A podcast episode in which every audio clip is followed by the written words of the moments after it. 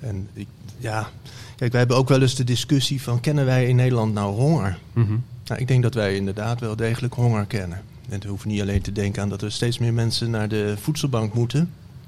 Of dat kinderen op school eh, hun ontbijt moeten krijgen, omdat ze het thuis niet meer kunnen krijgen. Wat natuurlijk schrijnend is. Maar waarom is er dan toch honger? Eh, omdat, het, eh, omdat er niet gedeeld wordt. En waar niet gedeeld wordt, is per definitie honger aan de orde. Wat is de Bijbel eigenlijk voor een boek?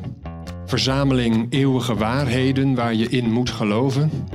Of een mooi verhaal met een moraal? Een museum van oudheden? Interessant voor de liefhebber, maar verder toch vooral achterhaald? Of kan het nog anders? In deze podcast ga ik in gesprek met theologen die die Bijbel zo gek nog niet vinden. Zij nemen ons mee door een tekst met een frisse, vrolijk, kritische blik en zoomen in op de vraag wat die vreemde tekst nu juist vandaag te zeggen heeft. Mijn naam is Marco Visser, vaste co-host is Rob Itman. Leuk dat je luistert naar de podcast De Nieuwe Bijbelschool. Ja, en vandaag eh, bij ons aan tafel eh, Wouter Klauwen, ehm, predikant in Baarn. Hartelijk welkom. Dankjewel. Leuk dat je bij ons bent om deze Bijbelklas eh, met ons te doen. Eh, we zijn eh, weer, nadat we onze excursie hadden naar Donner, gewoon weer bij jou in de podcaststudio, eh Rob. Hè? Ja, ook wel weer leuk. Toch? Ja, zeker. Ja, inderdaad. Donner was ook wel leuk. Ja, absoluut. Ja, eh, goed hier weer te zijn. Ehm, en ehm, mooi met jou in gesprek te gaan, eh, Wouter. Ja. Ehm, en voordat we naar de tekst gaan, eh, daar verheug ik me erg op. Eh, ik weet natuurlijk al wat er voor me ligt. Maar eh, beginnen we toch even zoals we altijd beginnen. ehm, bij de wordingsgeschiedenis van de theoloog van dienst.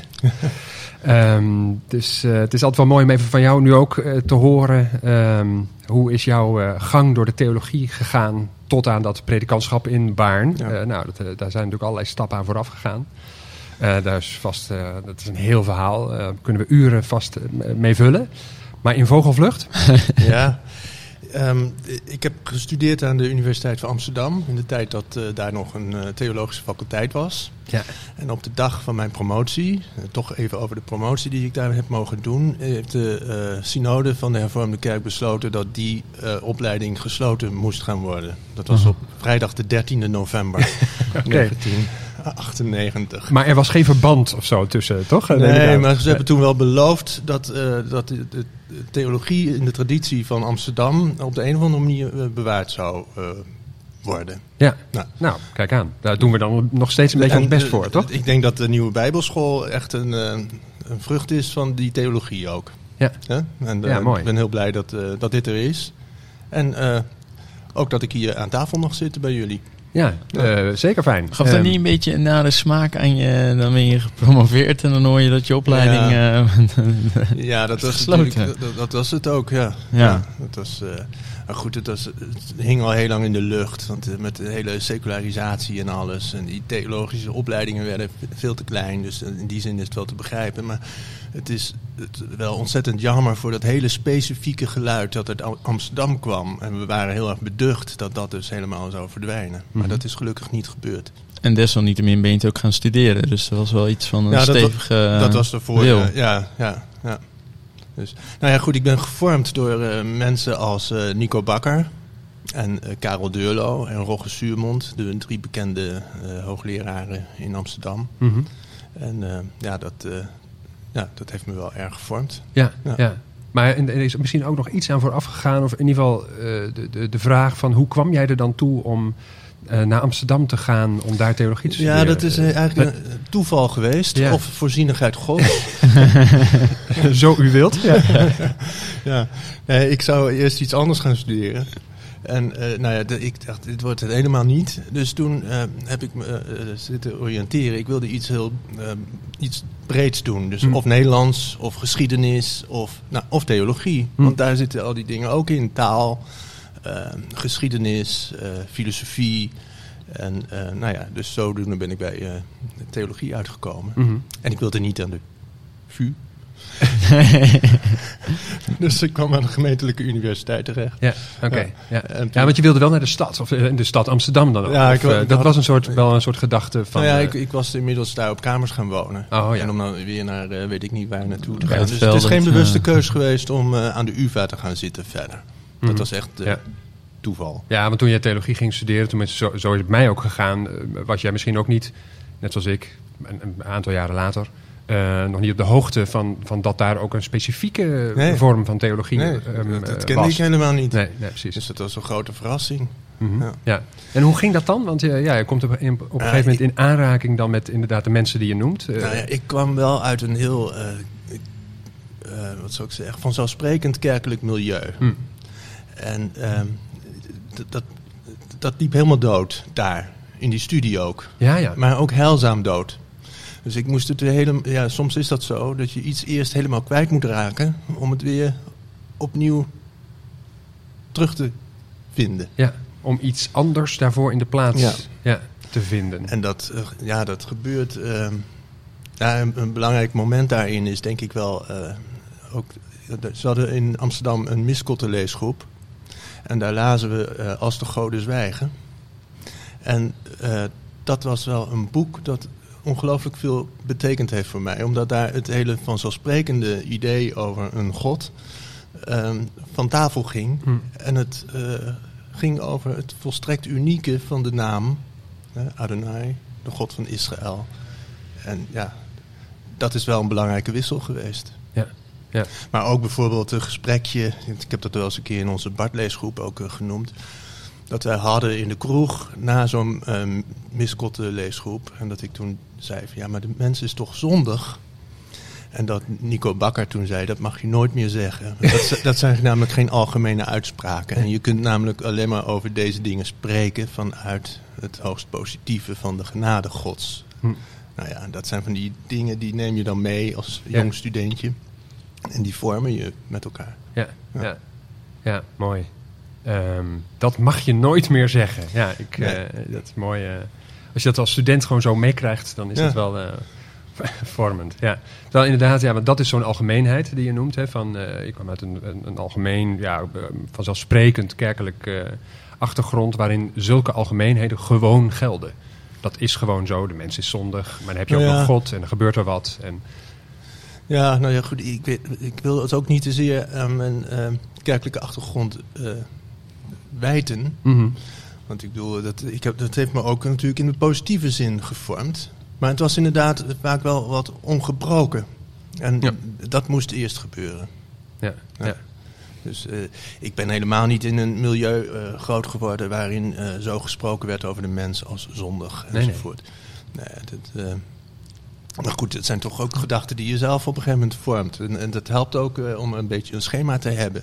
Maar dat schema dat moest dus op zijn kop. ja. Ja. Niks menselijks is je vreemd, Wouter. Nee, Huh? helemaal Een niks. schema is toch wel fijn. En wat, eh, want je ging het studeren dan uit eh, algemene brede interesse. Ja. Dat horen we eigenlijk best wel vaak, hè? Ja, dit is inderdaad een, echt een bijna een soort rode draad Zo zou ik het vandaag de dag ja. niet per se zien. Nee, ik ga nee, theologie doen, want dan hou ik het breed. Ja. Nee, dan voelt het best wel eh, dat je een richting op gaat. Maar jij bent Ja. uiteindelijk ook naar de richting van predikant gegaan. Ja, ja. Wanneer is dat dan gekomen? ja, gaande de studie. Omdat, eh, ja, dit zijn toch teksten die eh, niet eh, vrijblijvend zijn. Dus dat wil eh, gedeeld worden, dat wil, ja, da- daar wil uitgeleefd worden. En Dat zei Karel Deurlo, geloof ik, in een van zijn colleges. De schrift is een liturgisch boek. Het functioneert in de synagoge of bij ons, het functioneert in de gemeente. En nou ja, dat, dat hoort er dan ook bij. Ja, Ja. ja. dan komt het tot leven Ja. of zo. Dat, het moet ergens een plek Ja, hebben, het is, zo dat... eh, het is niet iets voor eh, steriele wetenschap. mhm. Ja. Het is echt iets om eh, met elkaar te delen. En daar zit ook de vreugde in uiteindelijk. Ja, en dus ga je de kans op. Dan ga En je de- niet thuis Nee, verder zitten werken. En, Nee, eh, tenminste, dat doe je dan ook. Maar je, je moet het delen met, eh, Ja. met de rest. Ja, en eh, ja, je hebt inmiddels al op heel, op heel wat plekken eh, Ja. gestaan. Ehm, ik ben begonnen in de Zaanstreek. De Rode Zaanstreek, heel bijzonder. Eh, net boven Amsterdam. En vervolgens ben ik naar eh, West-Brabant gegaan, op de Klei. Dus dat is eigenlijk heel degelijk. eh, in Willemstad. En van Willemstad naar Baarn, waar ik nu zit, alweer elf jaar. Een verschil van Zaan, eh, Zaanstad naar Willemstad? Ehm, ja, dat is een groot verschil. Ja, dat lijkt me ook toch? Ja, een heel groot verschil. Maar het bijzondere is ook wel, eh, dat is ook weer het mooie van die teksten. die klinken zowel in de ene setting als in de andere setting. En dat is toch wat bindt. Dat is wat, eh, als de schriften maar open gaan. En of dat nou links is of rechts is. Of in een seculiere setting of in een heel kerkelijke setting. Dat, eh, dat is allemaal secundair. Mhm. Ja. Ehm, ja, over onvanzelfsprekend eh, gesproken. Ehm, een onvanzelfsprekend verhaal met eh, ja. ehm, gekke gebeurtenissen, gekke wendingen hebben wij nu voor ons. Wat gaan we lezen? Ja, ik dacht van, eh, wat ik kostelijk vind, zijn die verhalen van Elisa. En die staan nu op het alternatieve leesrooster. Ik dacht, oh, die Elisa-verhalen, dat is, dat, dat, dat is geweldig. Dus ik dacht, misschien aardig om een van die verhalen te nemen. Deze staat dan weliswaar niet op dat alternatieve rooster. maar goed, het is wel een heel eh, Ja. absurd verhaal. En ik dacht, eh, ja, het is toch wel mooi om dat eh, hier met elkaar te lezen en daar misschien wat over te hebben. Ja, dat leesrooster, even voor de, voor de luisteraars die misschien daar niet zo in thuis zijn. Dat is een soort, soort, soort schema van, van teksten die je als kerk met elkaar leest. Dus die, worden op alle, die teksten worden dan op allerlei plekken in Nederland op zondag in de kerken gelezen. En dat zijn dus nu teksten uit Twee Koningen. Ja. Eh, misschien eh, even een paar zinnen over waar in de Bijbel we ons dan bevinden. Ja, dat, het, het is wel belangrijk om eh, voor ogen te houden dat dit uit de afdeling van de profeten komt. Eh, Dus het is profetische geschiedenis. En dat eh, benadruk, benadruk ik ook in elke preek hierover. Dat we hier niet te maken hebben met een, eh, een eh, dat het over wonderen en mirakels gaat. En dat we hier ook niet te maken hebben met eh, een eh, verslag van hoe dit ooit zo is gegaan. Maar dat hier echt iets wil gezegd worden, ook voor ons hier en nu. En dat het Mhm. dus om profetische geschiedenis gaat. Ja, Geen historische.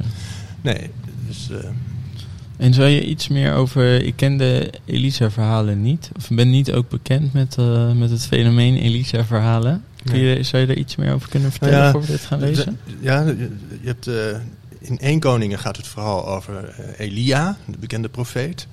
eh, voor wie wij altijd ook een stoel eh, leeg houden. Hè, zodat als die hier binnenkomt ook plaats kan nemen. Ja, nu even vergeten. Ja. Tel even de stoelen snel. Ja, ja, ja. Eh, en Elisa is zijn opvolger. En eh, het, belangrijke is dat zij zich ook eh, kritisch verhouden tot de eh, koningen van Israël. En eh, of zij wel horen naar het woord Gods, of dat zij eigen wegen gaan. En dat eh, wordt dan ook verteld tegen de achtergrond van dat eh, die grote rijken, als bijvoorbeeld Syrië, voortdurend op, het punt staan om Israël onder de voet te lopen. En ja, dat zijn natuurlijk enorme machten. En ja, dat, dat geeft ook eigenlijk wel direct de actualiteit aan. Want we hebben daar ook nu mee te maken met enorme machten in deze wereld. Altijd natuurlijk. Maar zeker nu, nu onderweg hier naartoe weer hoorde hoe het in de Oekraïne ook weer eh, opnieuw losbarst. Ja, escaleert echt Ja. ook, hè? Ja. Ja. Ja. Dus eh, nou ja, dat, zijn, dat, dat is wel de setting waarin deze verhalen klinken.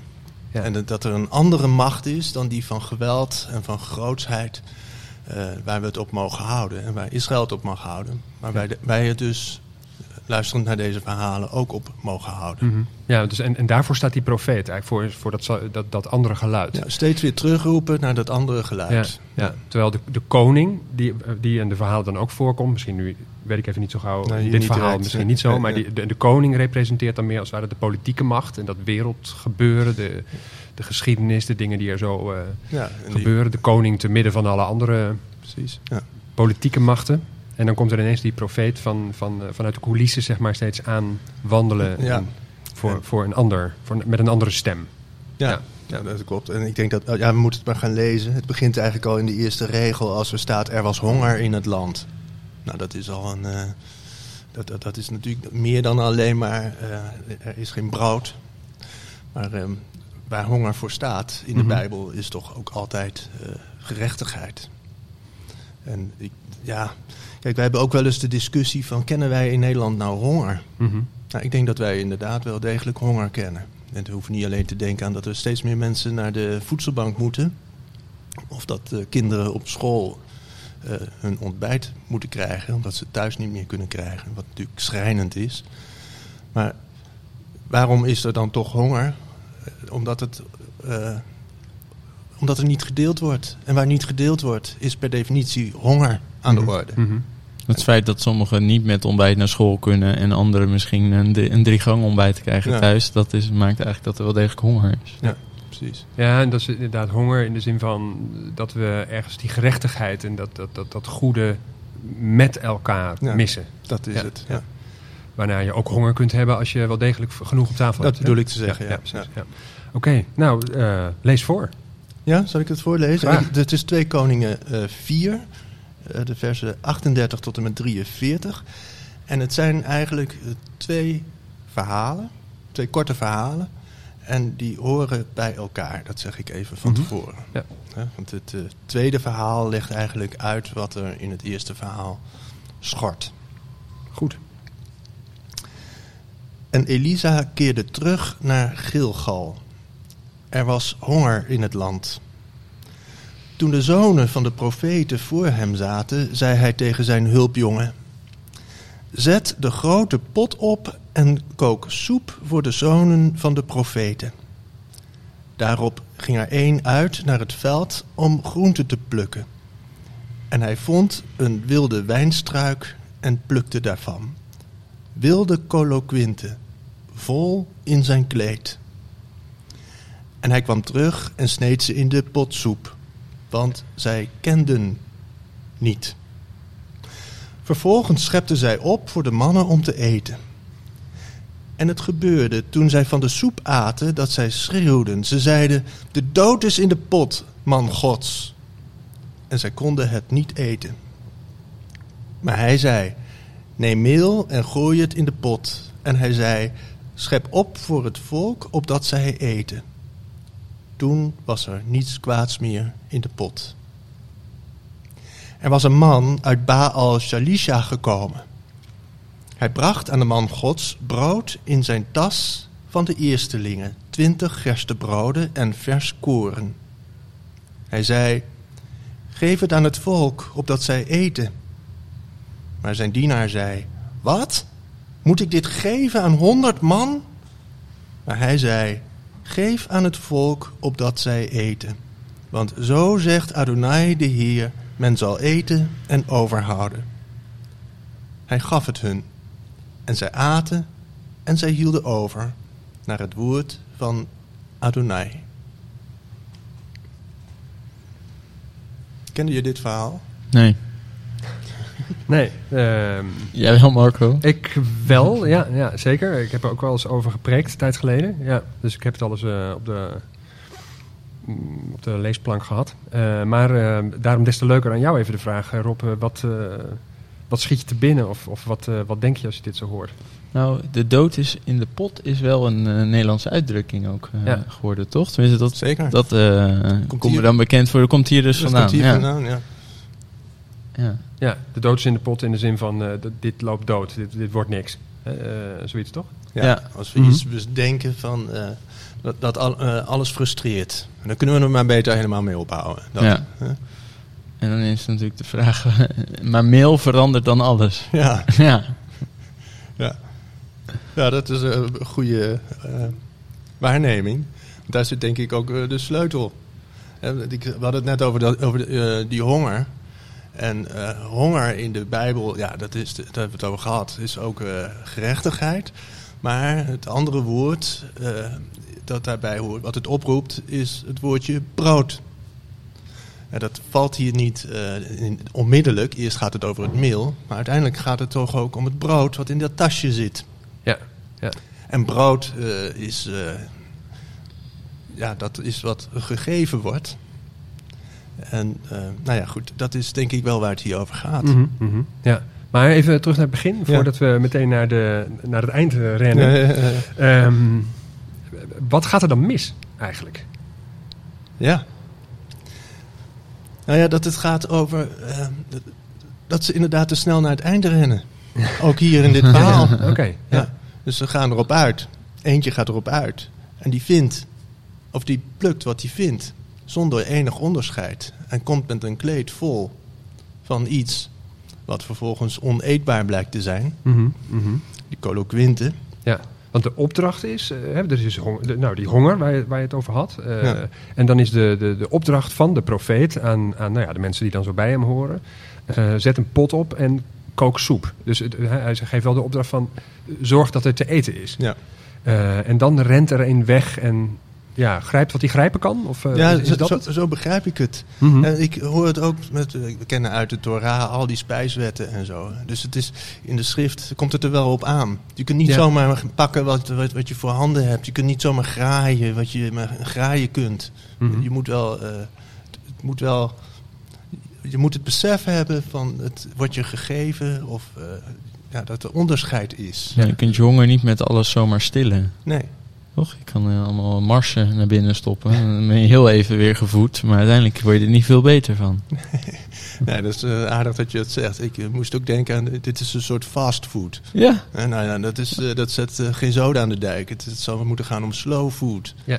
Eh, Ja, ja, dat ja, is precies. eh, waar het dan in dat tweede verhaal op uitloopt. Mhm, mhm. Ja, dan moet er gezaaid worden. En je moet wachten. En je moet eh, hopen dat het weer opkomt. En dan, nou ja, dat is de weg van het brood. Ja, En daar zit ook iets in van het moet. Het is niet vanzelfsprekend. Over vanzelfsprekend en onvanzelfsprekend gesproken. ja, ja. Ja, maar dat, hè, dus, eh, als we eh, dat naar voren halen, dan is het inderdaad ook, eh, zeg maar, dan sluit het ook echt aan bij die actualiteit. Omdat we het er steeds over hebben van, ehm, ja, hoe gaan we om met de bronnen, eh, eh, met, eh, met het, inderdaad het voedsel, hoe gaan we om met de wereld überhaupt. en wij hollen de wereld natuurlijk uit. Ja.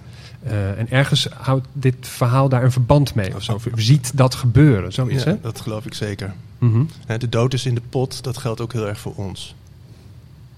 Hoe wij met elkaar, met deze Ja. wereld omgaan. Ja, ja, ja. En dat, dat op een grens stuiten. Nou, dat, op dat punt zijn we, denk ik. Mhm. Ja. Dus en daarvoor staat dan die, die één die er wegrent om zomaar te grijpen wat hij Ja. eh, plukken kan. eh, Precies. En wat ik dan zo aardig vind, in vers 39 aan het eind staat, want zij kenden niet. mhm. En daar staat het eh, Hebreeuwse woordje yada, kennen, of weten. En de vertalingen maken daarvan, en dat is ook heel begrijpelijk. Hè, dus deed dat in de soep, want zij wisten niet wat het was. Of wat het waren, die vruchten dan. Mhm. Dus ze deden maar wat. Ja. Dat kun je inderdaad zo invullen. Het is raar dat er geen object bij staat, hè? want zij kenden niet. Wat kenden ze dan niet? Dan Mhm. vraag je je dat af. Ja. Maar ik dacht, eh, ja, is, dat, is, is het niet ook nog een laagje dieper? Want kennen in de, in de schrift is toch ook altijd dat wij kennis hebben van, nou, eh, van Adonai zelf. Mhm. Of van zijn eh, woord, van zijn gebod. En als, de- als je daar blind voor bent of geen oor voor hebt, ja, en maar wat doet, Mhm. ja, dat is dat de dood in de pot. Mhm. Ja. Dus het komt er wel op aan om te onderscheiden en ook te weten waar je van leeft. Mhm. Ja. En toen dacht ik van, ja, dat is misschien toch een beetje speculatief. Hè? Ik aarzel dan van, leg, leg ik dat dan niet ja, Te vrij of zo. ja, of te veel te erin. Het is Ja. zo mooi, hè? Dat is mooi gevonden. Ja. Dus, eh, Ja. Heerlijk om zo erover te preken. Ja, Ja. misschien ook maar too denk- much. Ja. Ja, ik denk, Uh-huh. het is een beetje gezocht. Maar daarover nadenken, dan, nee, nee, maar het- misschien is het toch wel waar. Mhm. En, want het wordt in zekere zin bevestigd door dat tweede verhaaltje. Waar het tot die kennis komt. Namelijk in de gestalte van die man die daar komt met die tas met eerstelingen. En gerstebroden. Mhm. Dat legt dan toch als een soort tegenverhaal tegen dat eerste verhaal uit wat er gekend mag worden, Ja. wat er geweten mag worden. Ja, en, en want waarvoor staat dan die man die daar komt met brood in zijn tas? En dan, staat er inderdaad een tas vol eerstelingen. En dan staat er twintig gerstebroden. Zijn dat metaforen ook die Nou ja, eh, ik- iets, eh, dat een wereld meebrengen of zo? Ja, ik denk, kijk, het is aardig die tegenstelling. Vol in zijn kleed. Ja. Dus eh, dat, dat is dat kleed, dus een soort slobbertrui. Ja, ik weet niet wat je je erbij moet voorstellen. en daar, die, dat, al die eh, groenten daarin. Ja, dat is wat die, die eerste man Dat die ging, eerste ging man eh, doet. graaien en plukken. Ja. En daartegenover een tas. Ja, tas, buidel. Ja. Maar goed, ik maak er maar even tas van. Dat is eh, een woord dat verder niet zoveel voorkomt. Ehm, en in die tas, ja, ik moest ook denken, als wij iets moois kopen in de winkel. En dan soms ook maar iets heel kleins, maar als het dan heel kostbaar is, krijg je toch een reusachtige tas daaromheen. Dus om ook aan te geven, nou, dat is gewoon een associatie van eh, hoe, eh, hoe kostbaar het is. Mhm. Maar die tas met daarin die eerstelingen, dat zijn natuurlijk de eerstelingen van de oogst. Mhm. En de eerstelingen van de oogst, eh, nou ja, dat kennen we van de priester die de eerstelingen van de oogst ontvangt in de tempel. En daar aan God wijdt om daarmee te zeggen van pas pro toto, daar weet je alles van, eh, Marco. Ja, ja. ja, die eerstelingen, dat is een soort eerste opbrengst. Een deel van de hele oogst, maar dat representeert de hele oogst. En dat breng je dan naar de priester, dat wordt geofferd. Om dan daarmee ook uit te drukken dat het geheel eh, eigenlijk ja, aan Adonai wordt opgedragen. Of Ja. daarmee ook van hem komt. Ja, dat het het niet, niet van ons is, maar van hem is. Ja, En niet ja. van ons komt, maar van hem komt. Dat is inderdaad wat eh, die eerstelingen willen zeggen. Mhm. En dat is dus wel precies het tegenovergestelde van gewoon het veld inwandelen. En eh, plukken wat, je, wat je vindt. Mhm. Een wilde eh, wijnstruik. Ja, dat geeft het ook wel aan. Dat is de, iets anders dan het met zorg. Hè? Ja. De eerstelingen zijn ook altijd gezegende, toch? ja, precies. Om tot zegen te zijn, Mhm. heb ik wel geleerd. Ja, ja, precies. Dat komt dan, dat bevestigt jouw lezing dan een beetje. Ja. Ja, dat is een prachtig proefschrift van Marco net, hè? mag ik even zeggen. Dat Ja. kunnen we hier natuurlijk niet even zomaar s- samenvatten en zo. Maar ja, die eerstelingen die, eh, die representeren iets van de bijzonderheid van, van juist dat brood. Ja. Ik vind die, hè, hoe je dat zo eh, neerlegt, van die, die, dat contrast tussen dat erop uitrennen en dat plukken en dat gewoon wat je zomaar vindt en dat dan een kleed vol. En dan die tas met die bijzondere broden. Ehm, brood als een slow food. Ik vind Ja. dat wel, eh, ja, dat spreekt me nu erg aan, moet ik zeggen. Ja, en dat zit, er staat er ook nog die gerstebroden. En eh de gerst, eh, gerstebroden horen bij de Pesach-tijd, de Omar-tijd. Dus tijd in Israël tussen het paasfeest en Shavuot, het wekenfeest, eh, ons Pinksteren.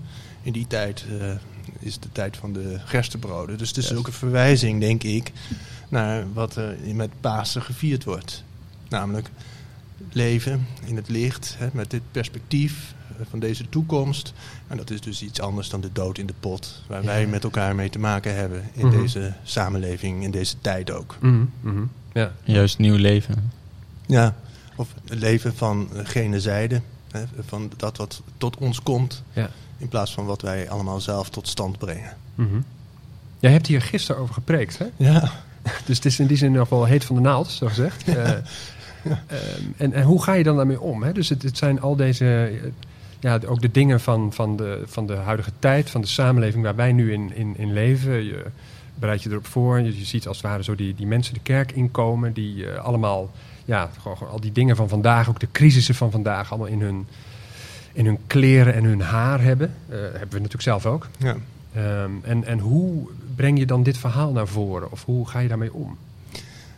Nou ja, allereerst, wat we aan het begin van de, dit gesprek ook al zeiden, toch nog een keer heel duidelijk zeggen dat het om een profetische geschiedenis gaat. En dat wij hier in dit verhaal bij iets gebracht willen worden. En vervolgens, als zo- zo'n begrip als honger, laat zich natuurlijk wel goed uitleggen en is ook wel heel herkenbaar. Voor de dienst van gisteren werd ik eh, vooraf eh, benaderd door een eh, Iraanse vrouw die bij ons in de gemeente is. En die enorme zorgen heeft over haar familie momenteel in Iran. Mhm. Ja, dat, dat is, dan komt het ineens ook heel dichtbij. Hè? Dan, dat is ook honger naar gerechtigheid. En Ja, de, de ja. moed die mensen daar hebben om toch met alle repressie, alle eh, geweld van overheidswegen. Ja, de, toch de moed die zij hebben om te hongeren naar gerechtigheid en daar uitdrukking aan te geven. Ja, dat is heel indrukwekkend. Ja. En als je dat dan bij zo'n verhaal als dit ook bedenkt, ja, dan, dan zitten we er toch ook met z'n allen helemaal in. Ja, ja. Terwijl tegelijkertijd, ja, je hebt dan dat verhaal waar je met elkaar naartoe gaat, of wat je dan zo, ja, als het ware op tafel zet, om met- de, metafoor van, van de teksten te spreken. eh, waar je dan ergens nou, iets, iets in vindt wat je ergens anders dan niet zo vindt. Maar tegelijkertijd blijf je natuurlijk ook met lege handen staan of zo. Of je, eh, wat, wat is precies de kracht hiervan? Dat zit ik me nu zomaar even af te vragen. Dus, eh, jij komt net uit die dienst en je hoopt dat het dat bewerkstelligt of zo. Maar Ja, je- je- ik geloof dat het in elk geval ons een kritische spiegel voorhoudt. Mhm. Omdat wij wel heel erg het voortdenderen. eh, alsof het geen eh, einde kent. Ehm, en tegelijk heel erg daarmee geconfronteerd worden dat we wel dat einde zien en ook vrezen. De dood in de pot. De dood in de pot, Ja. als ik dan in de krant lees over hoe onze kinderen of kindskinderen straks te maken hebben met... En dan denk ik alleen maar eventjes aan Nederland, hè.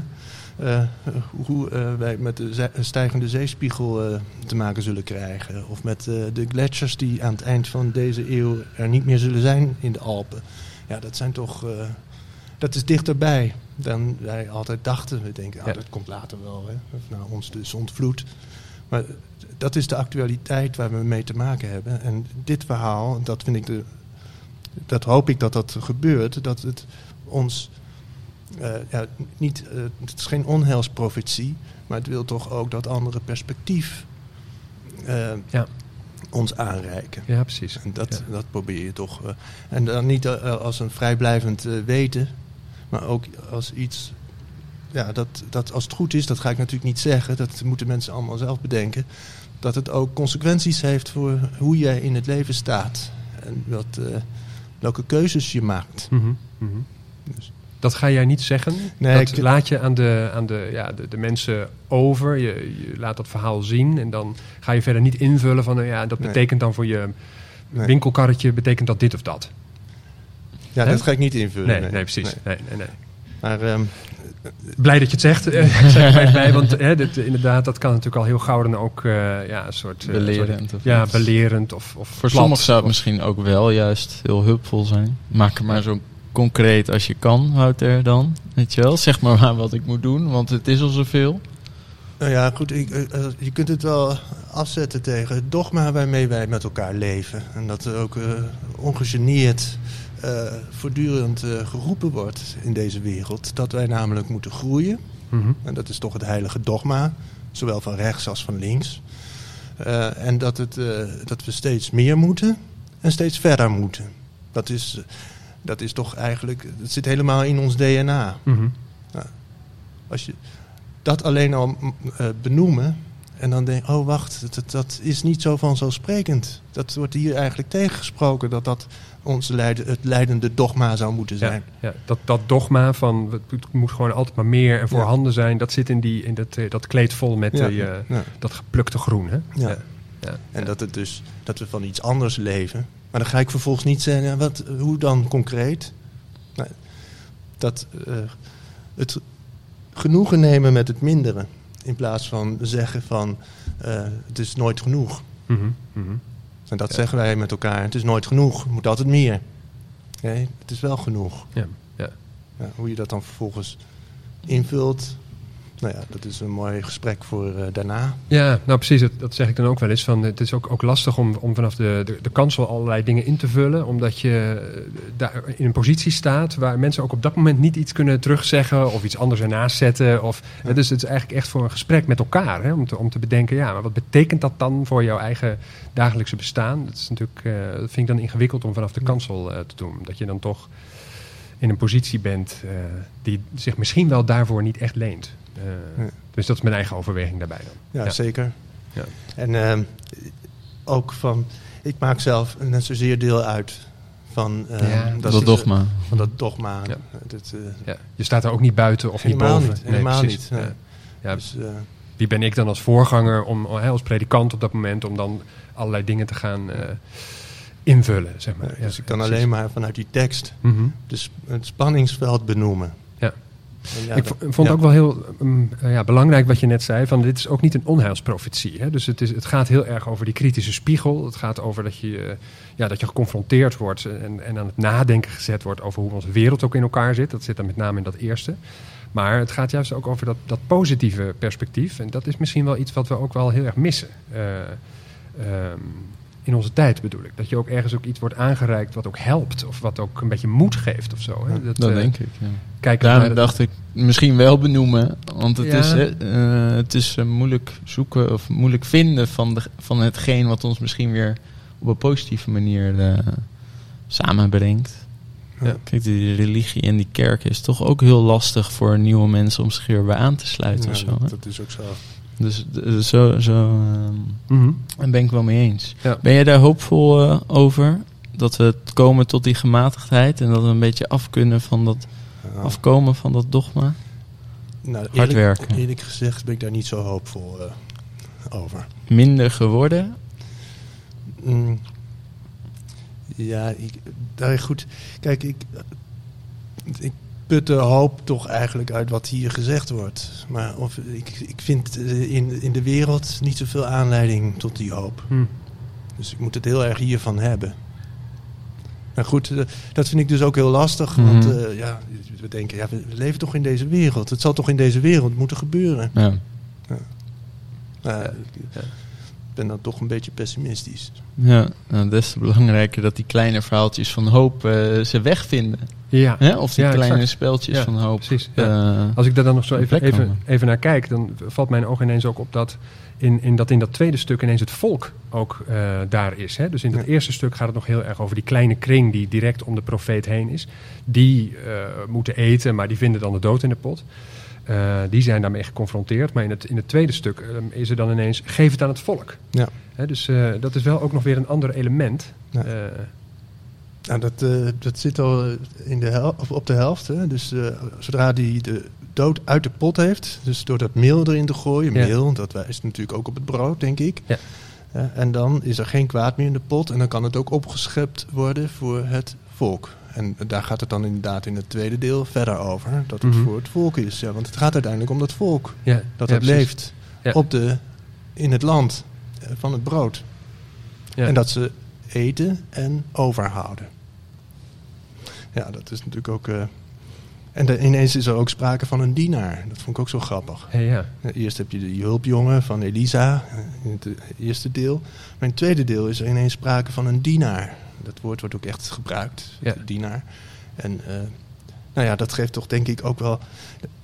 Ja, dan, dan. Toen dacht ik bij mezelf: kijk, een beetje oneerbiedig gezegd misschien. Maar Jezus heeft dus niet het patent op deze spijziging. Nee. ja, met brood en dan vermenigvuldigd worden, Ja, zodat het voor iedereen genoeg is, voor het hele volk En, enzovoort. en in de volstrekte dienstbaarheid, waarin hij ons is voorgegaan natuurlijk. Ja, ja, maar. Dat, is, dat zit allemaal hier in dit verhaal. Ja, Dat is ja, toch, ja. eh, eh, ja, prachtig. Ja. ja, want helemaal aan het begin zei je, toen je het al over de honger had, hè, zo aan- aanduidenderwijs, van dat eh, zeg maar, het verschil is het delen ook. Hè? Dus dat je, dat je dan ook het hele volk op het oog hebt en dat iedereen dan ook leven kan van, wat je, Ja. van waar je zelf ook van leeft. Ehm, dus ja, dan gaan de, de ogen wel open, ook richting eh, nou, mensen in Nederland, mensen ja, ook in Iran, wat je de- daar straks ook zei, van ja, dat, dat indrukwekkende verhaal. Ehm, dat iedereen op de een of andere manier hier ook in beeld is of zo. Het is niet voor een inner circle. Nee, zeker niet. Nee, ja. Nee dat, is, eh, dat vind ik ook zo. Die 100 man, dat staat natuurlijk ook voor de totaliteit. Mhm. En dit, dat, dit, dit is natuurlijk te weinig voor 100 man. Dat kan iedereen eh, uitrekenen. Ja. Net als in het evangelie, dat die, die, die eh, hoeveel waren het? Vijf broden geloof ik en twee visjes. dat is ook te weinig voor al die mensen. Ja. Maar dat is per definitie genoeg als er gedeeld wordt. Ja. Ja. ja. En daarom is het ook geen geschiedschrijving. Nee, klopt het helemaal niet. Nee, precies. Gelukkig klopt het niet, hè, zou je kunnen zeggen. Ja, Eh, ja zeer bedankt. Ja. Ehm, Ja, absoluut. Dat is weer een heel ander de, verhaal. Zeker, Huh? ja. Ehm, de, de dood was hier niet in de pot. Gelukkig niet. De aan deze tafel. En eh, was niet de dood in de podcast. Ehm, maar eh, ja, zeer bedankt voor, eh, Ja. voor hoe je ons eh, ja, ook op dat spoor hebt gezet. Met name ook van dat tweede stuk waar, eh, Ja. nou, waar als het ware het licht aangaat. En eh, waar eh, meer dan genoeg is. Dat is eh, prachtig om daarmee eh, te eindigen Nou, vandaag. Geweldig. Reuze dank voor de uitnodiging. En, Zeker. dat ik hier aan tafel mocht zitten. Hoop Ja, ik nog En bedankt, dit eh, met jullie mocht Ja. delen. Ja. Tot de volgende. tot de volgende.